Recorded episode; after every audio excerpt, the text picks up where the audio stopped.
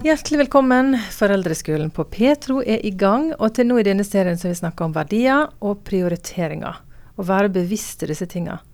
Um, det handler om at ungene ser hva vi gjør, og hvordan vi handler og lærer av det, og ikke nødvendigvis av det vi sier.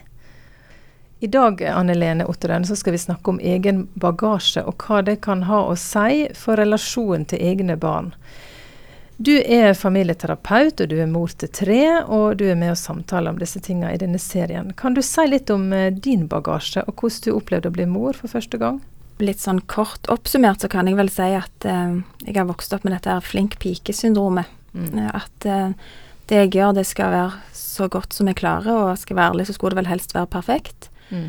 Eh, og når jeg da var så heldig å få lov til å bli mor, så ja, jeg hadde lest masse på forhånd, og jeg hadde jo sett på alle disse som gikk og trilla på barnevogner og smilte og så ut som det, ja, som det var ei rolig tid som de bare nøyd. Men når vi fikk vårt første skjønne barn, så var det en aktiv plugg som eh, Ja, hva skal jeg si? Han sov lite. Han lå på lading, rett og slett. Og så var han klar igjen. Eh, vi bodde i Oslo og hadde ikke noen familie som kunne på en måte avlaste oss en time for å sove, eller noe sånt. Så det ble, det ble krevende, syns jeg. Altså, det var jo ikke selve ungen som skreik som var krevende men mine følelser i forhold til å ikke strekke til. Så det jeg gjorde, det var at jeg bestilte det rett og slett. Jeg gikk inn på Gule sider, og så bestilte jeg time hos psykolog.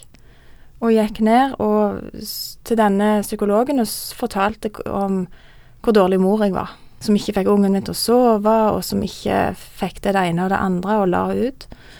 Eh, og når jeg hadde snakket en stund, så, så begynte denne psykologen å le. Og jeg bare tenkte hm, dette er rødt kort, sånn gjør du ikke.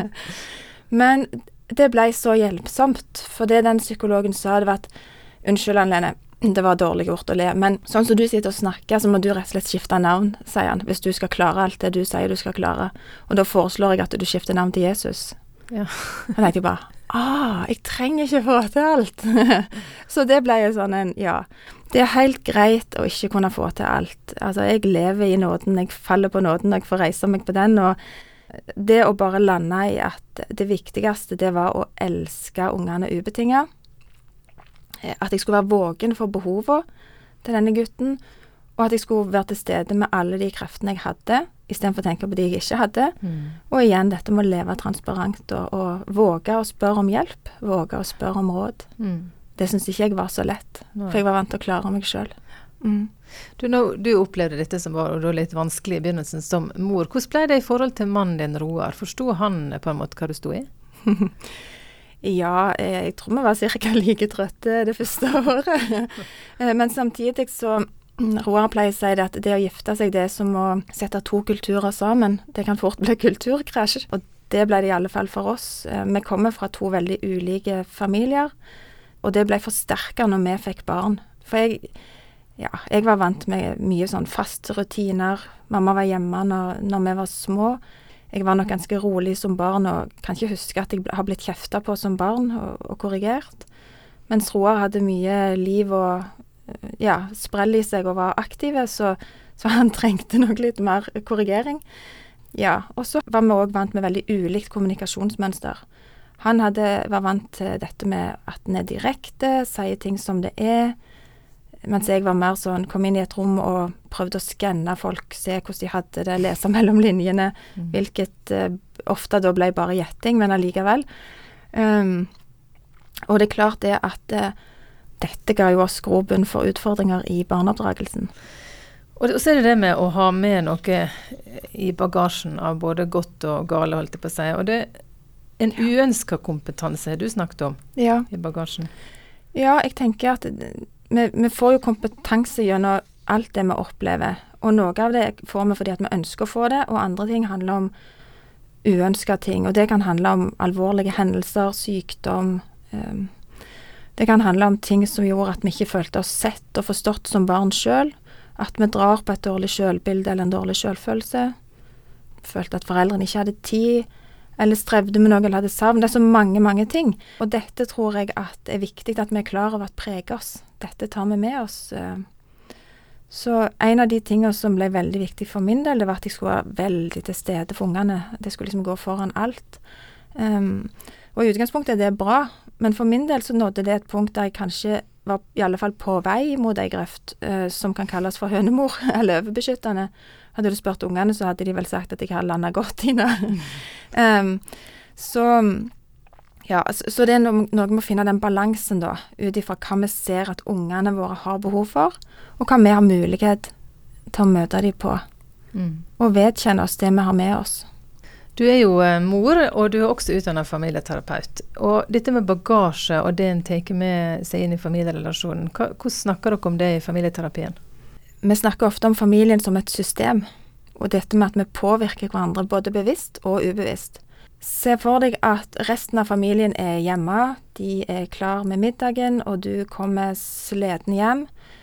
Åpner døra, slår den igjen litt hardt allerede da så har sannsynligvis familien din tefta et eller annet. Mm. Sånn at min slitenhet som jeg da kom inn med, det blir akkurat som en ball som jeg bare legger på bordet, og så smitter jeg alle sammen. Mm. Eh, så det kan være ett eksempel på, på at eh, vi, ja, vi, vi, henger så tett i hop eh, og er så, så knytta sammen at vi vi skal være obs på hva vi tar med oss og hva vi gjør til de andre, i den grad vi klarer det. Eh, og så blir det jo vice versa. ikke sant? Hvis jeg kommer hjem og kvitrer og har hatt en god dag på jobb og gleder meg til å se de andre igjen, så, så smitter jeg de med mitt humør. Mm. Det tror jeg kan være gjenkjennelig, eh, ja. Men, men, sånn er det òg at eh, med historien vår så vil vi påvirke de andre, spesielt hvis ikke vi er klar over den, tror jeg, og, og da kan ta ansvar for den. Og for mange så tror jeg det handler om det reaksjonsmønsteret vi har med, eller de følelsene eller den ryggmargsrefleksen som vi responderer ut ifra. Og én ting som veldig mange sier at de blir rett og slett litt skremt av når de blir foreldre, det er hvor sterkt sinne eller andre følelser kan boble opp, og en kan kjenne at det, hva er dette for noe i relasjonen med ungene, hvis en føler at en kommer til kort. Det jeg tror er at det ofte er veldig mye fordømmelse, særlig på dette med sinne, for det er liksom ikke en sånn veldig akseptert følelse, mm. selv om man er veldig naturlig. Eh, og da kan ting bli vanskelig å vedkjenne seg. Mm. Ja, jeg tenker ofte at det, det er utrolig hvor barnslig en kan bli i møte med egne barn. Du bare liksom får lyst til å rope tilbake, nesten. Jeg, ble, jeg opplevde sjøl å bli veldig sint tilbake og nesten ta det personlig og frese tilbake. Men kan du si litt mer om det med sinne, da? Ja, altså det er jo ikke særlig stas å vedkjenne seg det at en mister besinnelsen da, ikke sant, og blir så sinte på dem at vi ikke klarer å møte dem på en trygg og god måte. Men, men hvis vi bare er enige om at det å kjenne på sinne i seg sjøl er, det er vanlig, det er jo ikke sinne i seg sjøl, men det er hva vi gjør med dette sinnet som er, er, viktig. Noen opplever at det å ta en timeout kan være godt. Det å bare roe ned, mm. la hormonene lande igjen i kroppen, og ta det derifra. For, for, veldig mange av oss kan si mye dumt når vi er sinte, og tenker etterpå 'kjære vene, hvor kom det ifra?' Og så tenker jeg òg at hvis jeg har vært sint, så er det viktig at jeg tar ansvar for det sinnet med å be om tilgivelse hvis jeg har sagt og gjort noe som er urett. Mm. Påført ungene noe jeg ikke skulle ha gjort. Um, og så tror jeg at noen òg trenger å komme i kontakt med hvor kommer dette sinnet fra. Hva er det i min bagasje som gjør at jeg reagerer sånn som jeg gjør? Og det kan vi finne ut med, med å snakke sammen. Og da finne en måte å håndtere dette på. Mm. Og ei annen side av dette er Det er jo når ungen blir sint. For det er jo ikke bare vi som blir sinte. Vi, vi, ungene kan jo òg bli det. Og hvordan skal vi da hjelpe de? Hvordan skal vi møte de og hjelpe de til å regulere dette sinnet?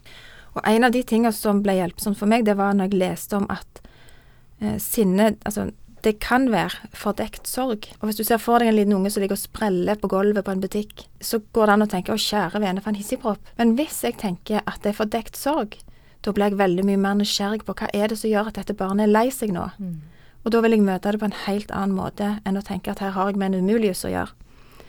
Så jeg tror at sinnet vårt ofte kommer når vi føler at vi kommer til kort, og ikke klarer å finne andre responsformer som er tjenlige. Mm. Så i møte med egne barn så syns iallfall jeg at det har kunnet vært hjelpsomt å tenke at nå kan det hende de er lei seg for noe de ikke klarer å sette ord på, eller kanskje ikke er i kontakt med sjøl, og da har det vært så mye lettere å, å møte dem på det. For et sint barn spør jo ikke etter å bli avvist, de spør jo bare dypest sett om å bli forstått og sett. Mm. Jeg leste faktisk om ei som hadde sagt når en unge blir sint uh, Don't get furious, but curious. Altså ja. ikke bli sint, men bli nysgjerrig. Mm. Og akkurat det sa du jo litt om. Kort oppsummert, Anne Lene, dette med bagasje. Ja, altså jeg tenker såra mennesker, de sårer andre. Så jeg tenker at jo mer vi klarer å rydde i bagasjen vår, sånn at både vi sjøl og ungene våre kan være utrusta og trygge nok til å se hverandre og se ut over, over det å se andre mennesker, eh, jo bedre er det. Og så skal vi få lov til å oppdra unger til å bli selvstendige.